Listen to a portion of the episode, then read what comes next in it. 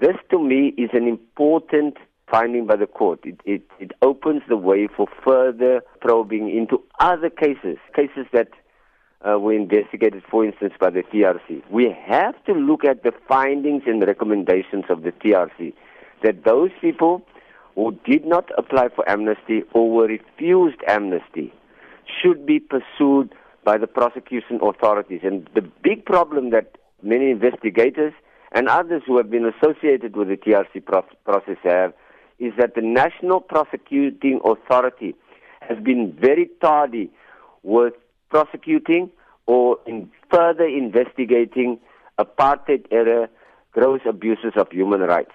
Khoisan hou die sogenaamde Gugulethu 7 geval voor as die vertoonsaak van die WVK wat volgende ondersoek behoort te word. In die geval is sewe jong mans op 3 Maart 1986 in Gugulethu deur polisielede wat deel was van die berugte vlakplaas eenheid afgemaai.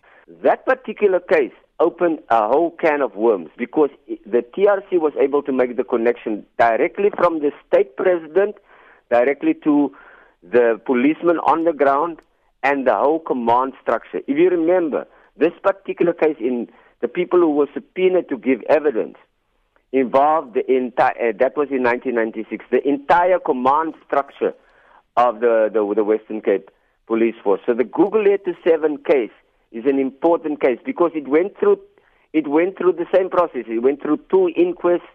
It went through the trial of Tony Weaver.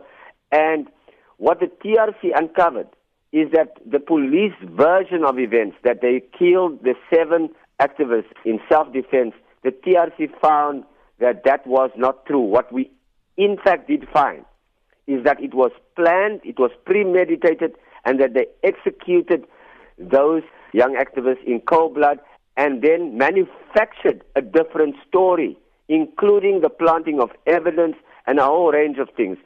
So many of the policemen involved in that case did not apply for amnesty. So that is, in fact, that is one case right here in the Western Cape which involved a cold blooded assassination that was planned to the very T that can immediately be brought.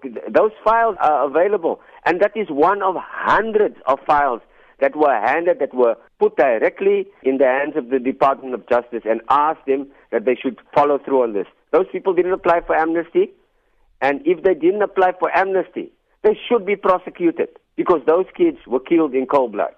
Cynthia Nomveyo Ngewu, die ma van Christopher Piet wat 12 keer deur die kop geskiet is, het agterna gesê ons wil nie die boosheid herhaal wat deur die oortreders op ons nasie neergelaat is nie.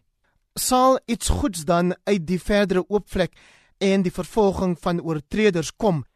Well, you see the the question that we have to deal with is whether we want to nurture a culture of impunity. Impunity results when you leave a society as harmed and as damaged as we are by our rendezvous with evil, twisting in the breeze.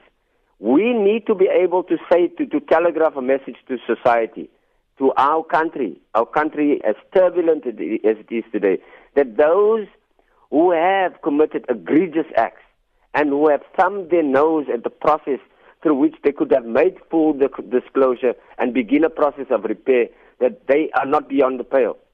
In Germany, even today, they are following up people who were involved in egregious acts which resulted in uh, gross human rights abuses. Why are we different? We are supposed to be able to set an example to the world. Die Timol uitspraak sê Khoisan plaas die klem op 'n belangrike vraagstuk can we allow and nurture a culture of impunity and say that we want to build a human rights culture in our country?